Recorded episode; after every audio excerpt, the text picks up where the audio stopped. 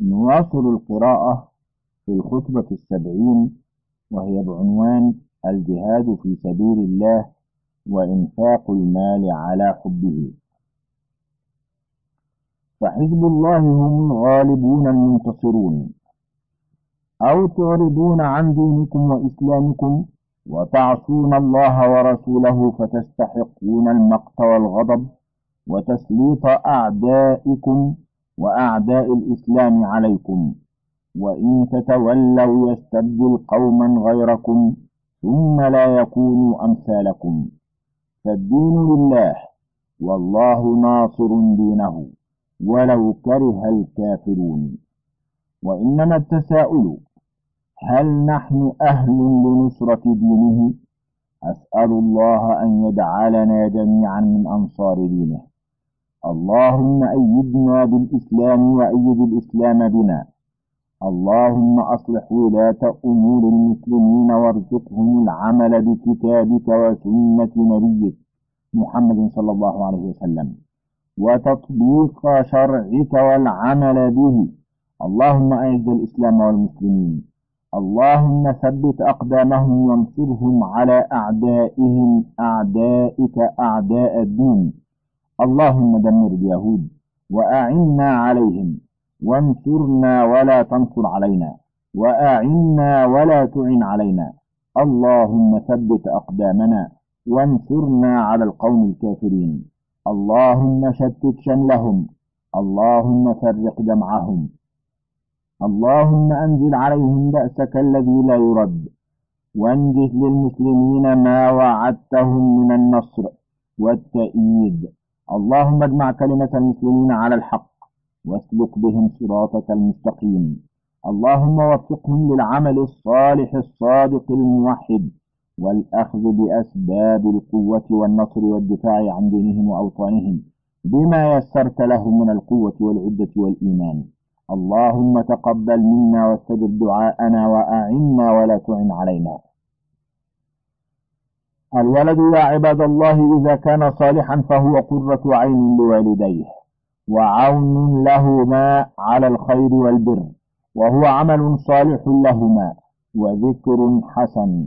وعكس ذلك في المال والولد إذا كان غير صالح والمال غير حلال وكسب غير شرعي مباح أو ابتلي العبد بالشح به عن الإنفاق فيما يجب فيه من حقوق وفرائض وإسهام في سبيل الخير من جهاد وبر وصدقة وفي بناء بيوت الله وطرق للمسلمين ومستشفيات إلى آخر ما يمكن الإنفاق فيه من أوجه الخير والبر.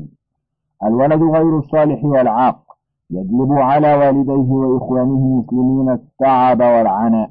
وقد يكون سببا لفتنة والديه. يرتكبان بسببه المحرمات ويفتنهما عن الحق ويصدهما عن الخير وعن الأمر بالمعروف. فمن وفق واستعان بالله واستعاذ من الفتنة عصمه الله من كل ذلك ومن كل شر وثبته وأجزل له الجزاء الحسن. وتقوى الله في أوامره ونواهيه واجبة. ما استطاع العبد إلى ذلك سبيلا. ومن لم يستطع فالله عفو غفور. لا يكلف نفسا إلا وسعها وطاقتها. قال رسول الله صلى الله عليه وسلم ما أمرتكم به فأتوا منه ما استطعتم وما نهيتكم عنه فانتهوا. أمر الله بتوحيده في العبادة واجب مقدور عليه والكفر بالطاغوت أيا كان مستطاع. الأمر بالمعروف والنهي عن المنكر واجب مستطاع قد أمر الله ورسوله به. ولتكن منكم أمة يدعون إلى الخير ويأمرون بالمعروف وينهون عن المنكر وأولئك هم المفلحون. وقال رسول الله صلى الله عليه وسلم لتأمرن بالمعروف ولتنهون عن المنكر. الحديث. قال صلى الله عليه وسلم من رأى منكم منكرا فليغيره بيده فإن لم يستطع فبلسانه فإن لم يستطع فبقلبه وذلك أضعف الإيمان. واسمعوا وأطيعوا أوامر الله ونواهيه وتحليله وتحريمه. فامتثلوا أوامره واجتنبوا نواهيه. ولا تكونوا كمن قال الله عنهم سمعنا وعصينا. وأنفقوا من مال الله الذي آتاكم. أنفقوه في وجوه الخير والبر وفي الجهاد وفي سبيل الله وقد أفلح من وقاه الله شح نفسه. فأنفق وجاهد ودعا إلى الله وإلى توحيده وأرشد العباد إلى دين الله والإسلام الصحيح. بارك الله لي ولكم في القرآن العظيم. أقول قولي هذا وأستغفر الله لي ولكم ولجميع المسلمين. فتوبوا إليه إنه هو التواب الرحيم. الخطبة الحادية والسبعون. إكرام الله لعباده بالإيمان والعمل الصالح. الحمد لله أحمده وأستعينه وأستغفره وأستهديه. ونعوذ بالله من شرور أنفسنا ومن سيئات أعمالنا. من يهد الله فلا مضل له. ومن يضلل فلا هادي له وأشهد أن لا إله إلا الله وحده لا شريك له وأشهد أن نبينا محمدا عبد الله ورسوله الهادي إلى صراط الله المستقيم. اللهم صل وسلم على عبدك ورسولك محمد وعلى آله وصحابته أهل العلم والدين والهدى. أما بعد فقد قال الله تبارك وتعالى إن الذين قالوا ربنا الله ثم استقاموا تتنزل عليهم الملائكة ألا تخافوا ولا تحزنوا وأبشروا بالجنة التي كنتم توعدون نحن أولياؤكم في الحياة الدنيا وفي الآخرة ولكم فيها ما تشتهي أنفسكم ولكم فيها ما تدعون نزلا من غفور رحيم ومن أحسن قولا ممن دعا إلى الله وعمل صالحا وقال إنني من المسلمين.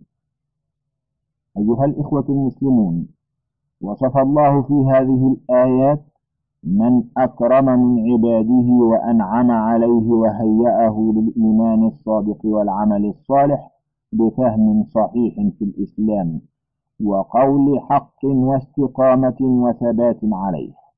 بعلم وعمل ودعوة إلى هذا الدين الحنيف وتواص به وصبر وتحمل للأذى من أجله. إيمان بالله ربا خالقا ومعبودا وحده. لا بد أن يكون إيمانا بالله إلها حقا ومدبرا.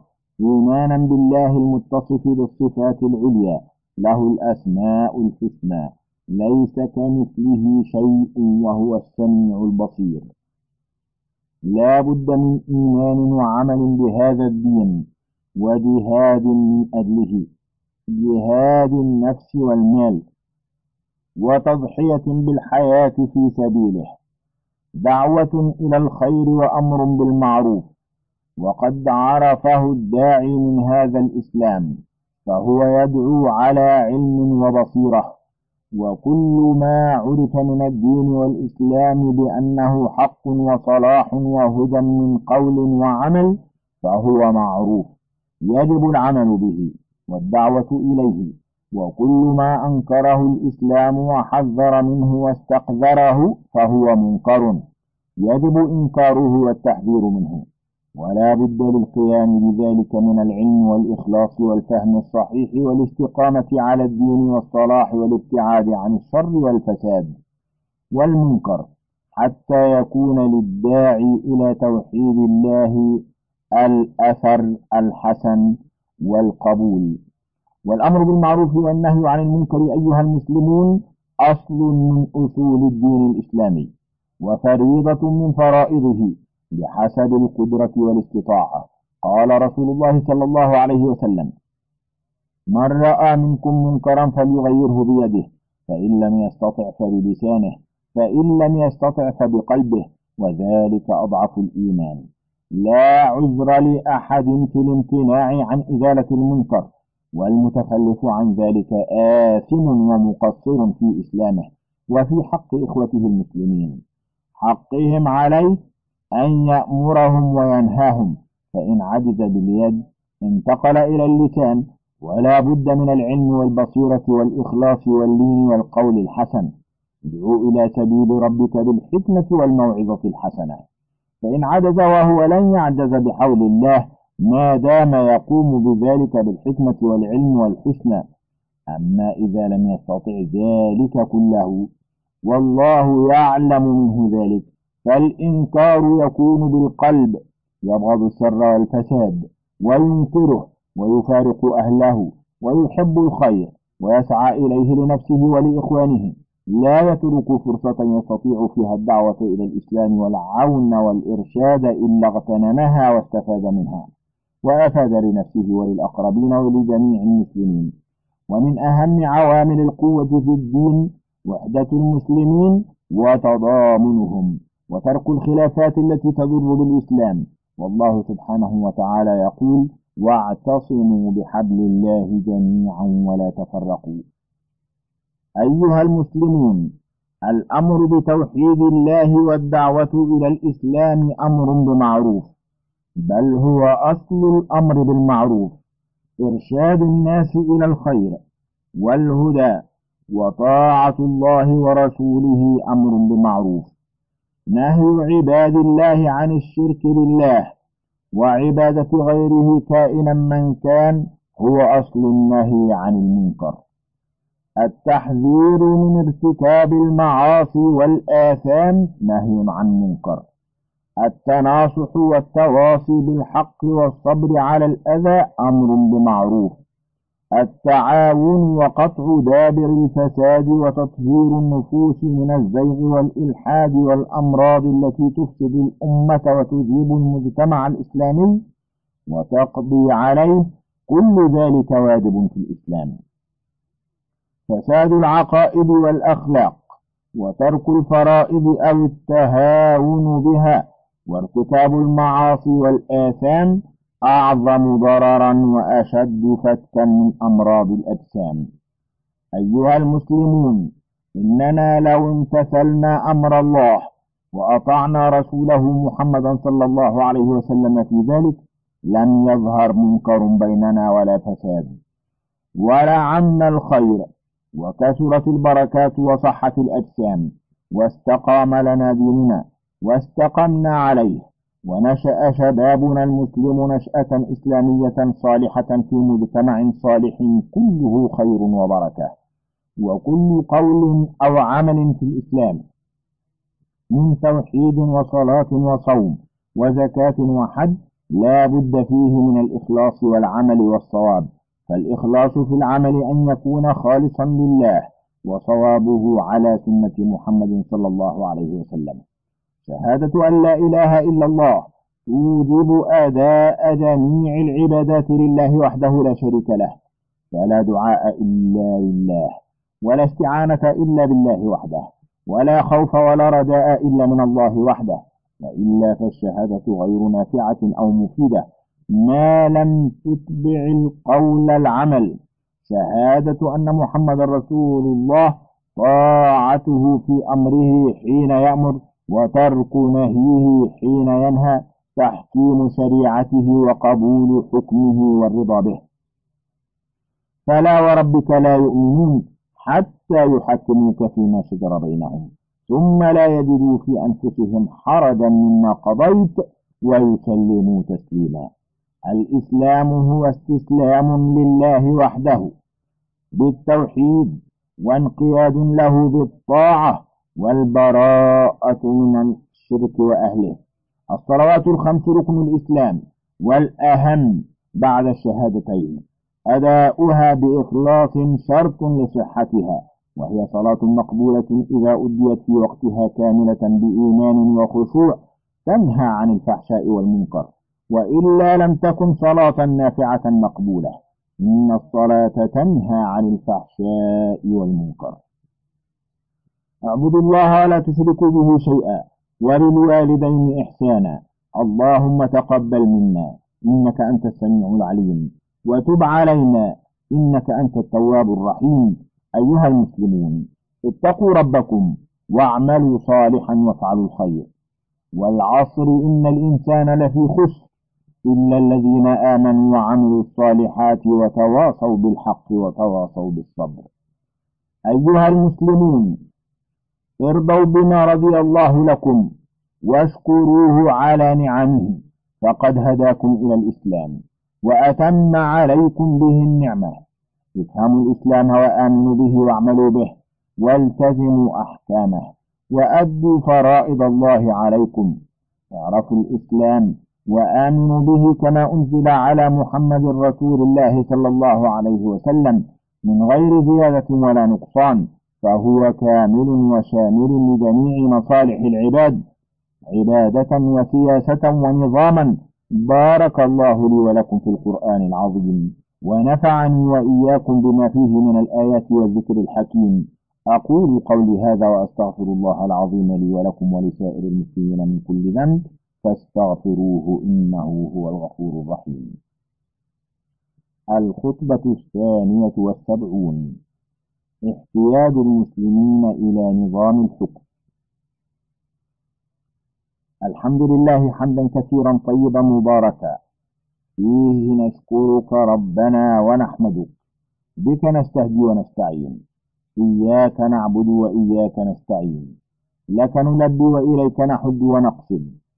أنت الصمد لك وحدك لا شريك لك.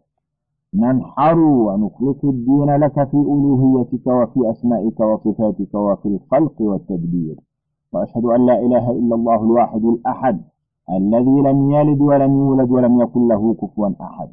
وأشهد أن نبينا محمدا عبد الله ورسوله وخيرته من خلقه جاء بالنور والهدى. فكان رحمة للخلق وهاديا. إلى الخير. دعا إلى توحيد الله والإخلاص في العمل. جمع الله به الشمل ووحد به الصف وأرشد إلى سبيل القوة والعزة أمر بالدعوة إلى الخير والهداية والفلاح. فصار المسلمون كالجسد الواحد ربطهم برباط التقوى حذر الأمة عن التفرق والاختلاف. لا فضل لعربي على أعجمي ولا أبيض على أسود إلا بالتقوى. إن أكرمكم عند الله أتقاكم. صلى الله وسلم وبارك عليه وعلى آله وصحابته الذين هداهم الله وهدى بهم وجاهدوا في سبيل الله. لبيك اللهم لبيك لبيك لا شريك لك لبيك. إن الحمد والنعمة لك والملك لا شريك لك. أما بعد فيقول الله تعالى ولتكن منكم أمة يدعون إلى الخير ويأمرون بالمعروف وينهون عن المنكر وأولئك هم المفلحون. كان الناس قبل الإسلام دفاة ضلارا في جاهلية لا تعرف دينا صحيحا تدين به ولا حقا تؤمن به أو معروفا تأمر به ولا منكرا تجتنبه وتنهى عنه. اختلفت المقاييس وانتكست الأوضاع وفسدت الفطر. لا حق لضعيف مع قوي لا يجد من يحميه من ظلم الظالم. الحكام طغاة جائرون والشرائع الإلهية محرفة ومعطلة مجتمعات مفككة وأهواء تؤله وتعبد من دون الله. كانت تلك حالة الناس ظلم وجهالة تفكك وانحلال وتخاذل. بعث الله رسوله محمدا صلى الله عليه وسلم إلى الناس كافة بشريعة عامة خالدة.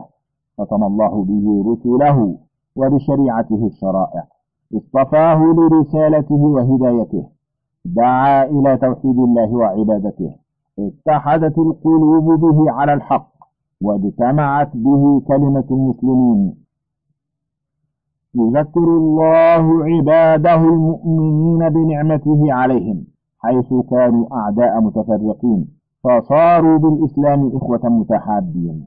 آمنوا بالله وبرسوله قبلوا نعمة الله عليهم ثم طبقوا الإسلام دين توحيد وقوة وتعاون فهموا الإسلام أوامره ونواهيه تبشيره وتحذيره فهموه يدعو إلى الخير والهدى والسعادة ويحذر من الكفر والشر والفساد. آمنوا به أمرا ونهيا. حدودا لا تتعدى حرمات لا تنتهك. سياسة شرعية دينا ودولة تشريعا كاملا وشاملا. ومن يبتغ غير الإسلام دينا فلن يقبل منه وهو في الآخرة من الخاسرين. فالإيمان والعمل بهذا الدين كله لا يكون ببعض وترك البعض الآخر. فالذي يؤمن ببعض ويكفر ببعض. الدين كله متكامل. ينظم الصلات بين العباد وخالقهم بينهم وبين إخوانهم في الإسلام بين المسلم وأعدائه في الدين. فهمه صفوة هذه الأمة سلفنا الصالح أفضل فهم وطبقوه أحسن تطبيق. آمنوا وعملوا الصالحات وتواصوا بالحق وتواصوا بالصبر. بشروا بالإسلام العالم كله. فتح الله له ولهم القلوب. قبلته كل نفس زكت وأراد الله لها الخير والفلاح. جاهدوا وحاربوا المعارضين المعاندين فدخل الناس في هذا الدين السمح أفواجا وجماعات عن إيمان ورضا. صاروا قدوة حسنة في الأقوال والأعمال. تحقق للمسلمين ولهذه الأمة المستجيبة لأمر الله ما وصفهم الله به حيث يقول كنتم خير أمة أخرجت للناس تأمرون بالمعروف وتنهون عن المنكر وتؤمنون بالله. فتحوا الممالك ومصروا الأمصار. حطموا عروش الكفر والظلم والطغيان. فتحوا للناس أبوابا واسعة. فدخلوا في الإسلام من أوسع الأبواب. آمنوا به والتزموه علما وعملا ومنهاجا. وأخلصوا لله الدين. عبدوا الله وحده وكفروا بالطاغوت والشيطان والهوى وصاروا بالإسلام إخوة متحابين متعاونين على البر والتقوى. كل ذلك بالإيمان والعمل بدين الإسلام هداية ونصحا وحبا للناس. والناس في هذه الحياة محتاجون إلى قواعد وضوابط ثابتة محتاجون إلى نظام محكم. يسيرون عليه ويمارسون فيه حياتهم واحتياجاتهم الدينية والمعيشية تبعا لتشريع سماوي محكم منزل من إله حكيم خبير. محتاجون إلى ضوابط وروابط تسدهم وتشريع يحفظ لهم حياتهم من العبث والفساد والفوضى ليعيشوا في سلام وأمن واطمئنان لأجل ذلك وبرحمة من الله لعباده. يبعث في كل فترة وزمان رسلا مبشرين ومنذرين مصلحين وموجهين يقيم الله بهم الحجة على عباده. من اهتدى فإنما يهتدي لنفسه ومن ضل فإنما يضل عليها. وكان رسول الله محمد صلى الله عليه وسلم خاتم المرسلين. بعثه الله على فترة من الرسل فآتم الله به الدين. هدى الله به من شاء. وأصلح به القلوب وجمع به التفرق. فصارت أمته خير أمة في دينها وصلاحها في جهادها وقيادتها إلى الخير. فكان المؤمنون بالله ورسوله وبشرعه هداة مهتدين يأمرون بكل معروف من الشرع والدين وينهون عن كل منكر وفحشاء وزور متعاونين على الخير يدا واحدة على عدوهم. مؤمنين يعملون الصالحات يتواصون بالحق والفضيلة ويجاهدون في سبيل الله فالعزة لله ولرسوله وللمؤمنين. أقام الله برسالة نبيه محمد صلى الله عليه وسلم وبشرعه لهذه الأمة أمر دينها وأتم عليها النعمة ورضي الإسلام لها دينا وشرعه منهاجا. اليوم أكملت لكم دينكم وأتممت عليكم نعمتي ورضيت لكم الإسلام دينا. فالمؤمنون بهذا الدين إخوة متحابون متعاونون على البر والتقوى مبتعدون عن الإثم والعدوان. هكذا يجب أن يكون الناس إيمانا وصدقا وإخلاصا وتعاونا على الحق والخير والهدى. وعلى طول الزمان والابتعاد عن الإسلام ومصادره تضعف النفوس وتمرض. وقد تزيغ عن الحق وتلحد في الدين وتفسق عن طاعة الله فلا تحب تحكيم شرع الله وتنفيذ أوامره وأحكامه. تستبدل بذلك شريعة البشر وأحكامهم فكثير من عباد الله واقعهم مخالف لسلف أمة الإسلام وخيرتها. التبس على الكثير الإسلام لم يستخلصه مما خالطه وامتزج به من أباطيل وضلالات. وبدع ومخالفات توارثها الأجيال واستقرت في كثير من النفوس فلا مخرج من هذه الورطة ولا سلامة من هذا الضياع إلا بالعودة إلى الإسلام الصحيح الصافي من الأخلاق والشوائب والانحرافات. الطريق واحد وهو صراط الله المستقيم صراط المنعم عليهم غير المغضوب عليهم ولا الضالين. قد يسوه الحق ويلتبس بالباطل. فيضعف الإيمان بالإسلام وبصلاحيته. فيتجهون إلى غير الإسلام وأحكامه. يطلبون في غيره الصلاح والعزة والسعادة. جهلا منهم بدين الإسلام الحنيف. وبما فيه من خير وصلاح وهدى. متنكرين لشرع الله وحكمه. أفحكم الجاهلية يبغون؟ ومن أحسن من الله حكما لقوم يوقنون. ومن لم يحكم بما أنزل الله فأولئك هم الكافرون. فالخير كل الخير في الإسلام وفي التمسك به. فمن هداه الله إلى الحق وأنعم عليه بالفهم والفقه في الدين فذلك هو المهتدي. قبل الإسلام كما قبله السلف الصالح. صفوة هذه الأمة صحابة رسول الله صلى الله عليه وسلم. والتابعون لهم بإحسان حتى يومنا هذا قادوا العالم بالإسلام وتعاليمه الصادقة السمحة. قادوه إلى العلم والإيمان إلى السعادة والسيادة حيث آمنوا وأخلصوا في القول والعمل وحكموه في كل شيء لأنه دين توحيد وتعاون. أهله أعزة أقوياء متعاونون على الخير لا ظلم بينهم ولا تخاذل. خلف من بعدهم خلف تركوا هذا الخير فضعفوا وتجبروا وتسلط عليهم العدو وتداعت عليهم الأمم حتى صاروا غثاء كغثاء السيل لا نفع منهم ولا فائدة. اللهم إنا نسألك الهداية والتوفيق. اللهم اسلك بنا صراطك المستقيم وأصلح فسد قلوبنا واجمع كلمتنا على الحق والدين واهدنا سبل السلام وأعذنا من الفتنة. وقد ظهرت ولله الحمد تبشير الخير بين الشباب في العودة إلى الدين والرغبة في تطبيق أحكام الإسلام. وأن لا حكم إلا لله وحده والرغبة في أداء فرائض الإسلام والالتزام بأحكامه. اللهم فقههم في الدين واهدهم الصراط المستقيم وأعذهم من الشيطان ونزغاته إنك سميع قريب مجيب. اللهم أصلح أئمتنا وولاة أمورنا وأدم عليهم التوفيق والنعم. وأصلح لهم البطانة والسريرة واجعلهم أئمة هدى قدوة حسنة في الخير والصلاح. اللهم وفق جميع المسلمين لقبول الحق والخير والانقياد لطاعتك وطاعة رسولك محمد صلى الله عليه وسلم.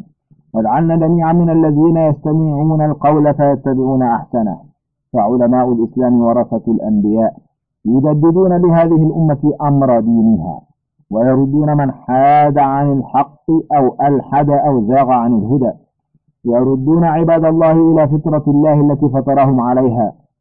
يقيم الله بهم الحجة على عباده وهم مقتدون برسول الله صلى الله عليه وسلم في دعوته وجهاده. يؤدون ما أوجبه الله عليهم والتزموا به. يعيدون للإسلام نقاءه. ويجددون من دثر منه. وكل أمن وسعادة واستقرار أثر من أثر الإسلام والعمل به وتنفيذ أحكامه. وهذه البلاد بلاد الحرمين الشريفين ومهابط الوحي هي قدوة حسنة والحمد لله في تطبيق أحكام الشريعة الإسلامية والتزام أوامرها وتنفيذها في جميع شؤون الحياة. وذلك بتوفيق الله وبفضله على من ولاه أمور المسلمين فيها. ثبتهم الله على الحق وأعنهم. قل بفضل الله وبرحمته فبذلك فليفرحوا. هو خير مما يجمعون.